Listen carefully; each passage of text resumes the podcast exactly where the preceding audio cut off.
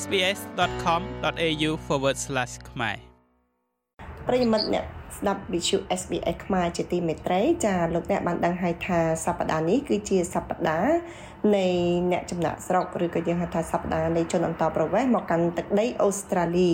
ហើយថ្ងៃនេះយើងនឹងបានជួបជាមួយនឹងបងប្អូនប្រជាពលរដ្ឋខ្មែរយើងហើយយើងនឹងបានស្វែងយល់ថាតើ ការដែលចំណាក់ស្រុកមកកាន់ប្រទេសអូស្ត្រាលីកាលពីពេលមុនហើយនឹងពេលនេះមានអ្វីខុសប្លែកគ្នាខ្លះដែរហើយតើប្រទេសមួយនេះបានធ្វើអ្វីខ្លះសម្រាប់ជនអន្តោប្រវេសន៍ដូចជាប្រជាពលរដ្ឋខ្មែរយើងដំបូងគេនេះនាងខ្ញុំនឹងជួបជាមួយនឹងលោកអ៊ំជីយូហុនដែលជាប្រធានសមាគមខ្មែរប្រចាំនៅរដ្ឋវីកតូរីយ៉ាចា៎នាងខ្ញុំសូមជម្រាបសួរលោកអ៊ំបាទសូមជម្រាបសួរក្មួយដាណេ ចាខ្ញុំសូមអរគុណលោកអ៊ំណាចំពោះការផ្ដល់ពេលវេលាមកកាន់ SBA ខ្មែរចាថ្ងៃនេះខ្ញុំចង់ជម្រាបទៅសួរលោកអ៊ំផងដែរអំពីការរស់នៅជាជនអន្តោប្រវេសន៍នៅក្នុងទឹកដីអូស្ត្រាលីតើអ្វីខ្លះទៅដែលលោកអ៊ំឃើញថាការពីចំនួនលោកអ៊ំមកដល់ទឹកដីអូស្ត្រាលីដំបូងនៅមានភាពខ្វះខាតប៉ុន្តែបច្ចុប្បន្ននេះយើងឃើញថាមានការអភិវឌ្ឍច្រើនដែលប្រទេសអូស្ត្រាលីបានធ្វើចំពោះជនអន្តោប្រវេសន៍ដូចជាលោកអ៊ំជាដើមចា៎អឺ ខ្ញុំឃើញថាកាលពេលដែលខ្ញុំមកឆ្នាំ2082ហ្នឹងប្រទេសអូស្ត្រាលីនេះគេតតាក់ទទួលជនភៀសខ្លួនសម្បើមណាស់បាទពីព្រោះអីដែលអ្នកដែលមកអឺតាំងទីលំនៅនៅក្នុងប្រទេសអូស្ត្រាលីនេះវាមានច្រើនប្រភេទមានគេហៅថា refugee ជាជនភៀសខ្លួនហើយ asylum seeker ហើយនិង migrant asylum seeker គឺអ្នកដែលរត់មកចូលមក ច្រកកោននៅក្នុងប្រទេសអូស្ត្រាលីនេះក៏ប៉ុន្តែมันទាន់បានមានសិទ្ធិជាជនភៀសខ្លួនទេហើយនឹងទី3ហ្នឹងគឺ migrant គឺថាប្រជាជនដែលមកតាំងទីលំនៅនៅក្នុងប្រទេសអូស្ត្រាលីនេះដោយសារគេមានលុយមានកាក់គេហៅថា business migration ពីដើមតែ1លានទេតែ70ម៉ឺនទេឥឡូវហ្នឹងគឺឡើងដល់ប្រហែលជា3លាន4លាន5លានទៅហើយមួយទៀតហ្នឹងគឺអ្នកដែលមាន skill អ្នកដែលមានចំណេះវិជ្ជាច្រើនដូចជាអ្នកដែលមានសញ្ញាបត្រ PhD Master Degree អីហ្នឹងគឺគេសុំ apply ចូលទៅតាម skill migration ហ្នឹងហើយនឹងមួយទៀតហ្នឹងគឺជនភៀសខ្លួនហ្មងជនភៀសខ្លួនហ្នឹងគឺឧបមាថានៅដូចជាស្រុកខ្មែរយើងពីដើមអញ្ចឹងពេលដែលចេញពីសម័យខ្មែរក្រហមមកហ្នឹងគឺបងប្អូនខ្មែរយើងបានរត់មកនៅជំរំខាវីដាង ជំរំដែល UNHCR ហ្នឹងគឺដែលអង្គការសហប្រជាជាតិហ្នឹងគេជាអ្នកទទួលខុសត្រូវនៅក្នុងប្រទេសថៃហ្នឹងបាទអ្នកដែលរស់នៅក្នុងជំរំជនភៀសខ្លួនហ្នឹងគឺអឺប្រទេសនានាហ្នឹងគឺមានតយោគឺដូចជាបារាំងដូចជាអូស្ត្រាលីដូចជាអាមេរិកអឺជប៉ុនអឺជឺម៉ានអង្គអាល្លឺម៉ង់អឺហើយនឹង ប្រទេសដទៃទៀតច្រើនណាស់ដែលបានទៅយកមកហ្នឹងបាទហើយអ្នកដែលមកសកលខ្ញុំហ្នឹងគឺមែនតើមានភ័ព្វវាសនាសម្បើមកជាងជាងឥឡូវហ្នឹងពីព្រោះអីកាលសកលហ្នឹងគឺគេមានជំរុំជួនពីខ្លួនមកដល់ប្រទេសអូស្ត្រាលីភ្លាមហ្នឹងមានគេហៅថា Enterprise Hostel មាន Bay Hostel ហើយនិង Eastbridge Hostel អាកន្លែងដែលជំរុំជនភៀសខ្លួនហ្នឹងមកមកជំរុំមកជំរុំហ្នឹងមនុស្សរាប់ពាន់នាក់ហើយតែអ្នកដែលមករស់នៅហ្នឹងគឺមិនមែនតែអឺមកពីខាងអាស៊ីយើងហ្នឹងទេគឺថាមានគ្រប់មានតាំងតែពីអឺនៅខាងយុរ៉ុបដូចជាខាងមកពីខាងប៉ូឡូញអឺមកពីខាងអឺប្រទេសដទៃទៀតប្រទេសកុម្មុយនីសដទៃទៀតហ្នឹងគឺក៏មានរត់ចេញមកដែរហើយមកពីខាងអាមេរិក ដូចជាខាងអឺប្រេស៊ីលអាចិនទីណាអីហ្នឹងក៏មានក៏មានមកដែរមកពីមិចស៊ិកក៏មានមកដែរដូច្នេះឃើញថាជនភៀសខ្លួនសកលខ្ញុំហ្នឹងគឺគេយកចិត្តទុកដាក់ណាស់កាលណាមកដល់ភ្លាមហ្នឹងគឺគេមានឡានបាសគេគេទៅទទួលមានអ្នកបកប្រែបកប្រែដូចហើយមកដល់ hostel ហ្នឹងគឺមានកន្លែង គេងនៅមានកន្លែងមានសាលារៀនហើយបើកូនកូនកូនរបស់ខ្ញុំហ្នឹងគឺថាបលឹមឡើងមានឡានបាសមកដឹករួចហើយគេខ្ចប់នំប៉័ងសាន់វិចហើយនឹងដាក់ផ្លែឈើអីឲ្យទៅញ៉ាំទៅទៀតបាទត្រឡប់មកវិញហ្នឹងគឺយើងក៏បានមកញ៉ាំអាហារនៅក្នុងកន្លែងដែល Enterprise Hostel ហ្នឹងក៏ប៉ុន្តែលុយដែលសិនតលិញដែលយើងបានហ្នឹងយើងអត់មានសូវសល់ទេបាទ ពីព្រោះអីខ្ញុំនៅក្នុង hostel ហ្នឹងមួយឆ្នាំ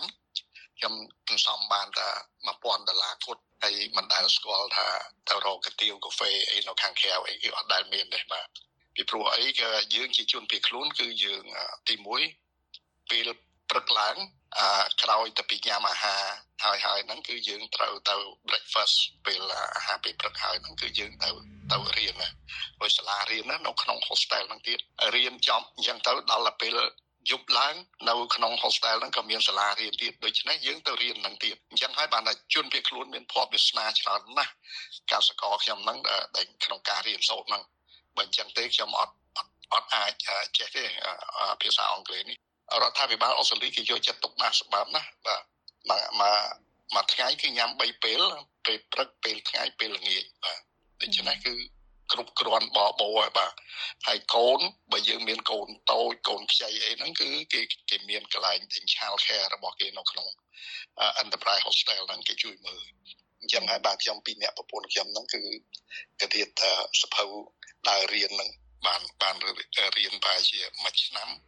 បានចេះភាសាអង់គ្លេសគូសំបានមានការងារធ្វើជា welfare worker ហ្នឹង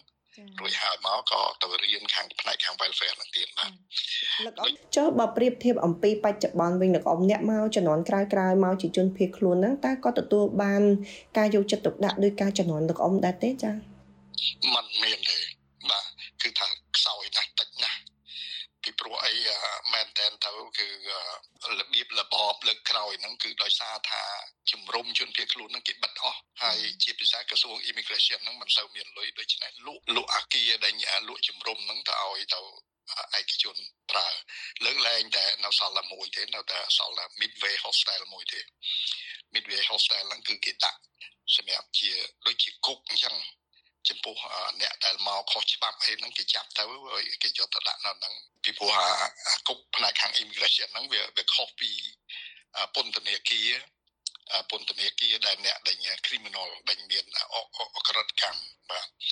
អញ្ចឹងហើយបានថា អ្នកមកក្រោយហ្នឹងគ្នាអត់មានភ័ព្វស្នាអញ្ចឹងទេពីព្រោះអីជនភៀសខ្លួនមួយឆ្នាំមួយឆ្នាំហ្នឹងគឺប្រទេសអូស្ត្រាលីត្រូវយកជនភៀសខ្លួនមកហ្នឹងមិនតិចជាងប្រហែលជា70000 80000នាក់ទេហើយក្នុង7 80000នាក់ហ្នឹងគឺ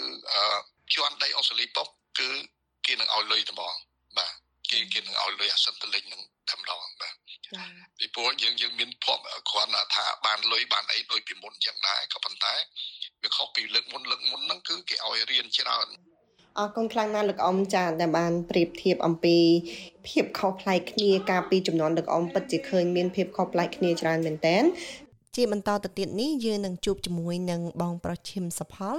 ដែលជាជនចំណាក់ស្រុកម្នាក់ទៀតកំពុងតែរស់នៅលើទឹកដីអូស្ត្រាលី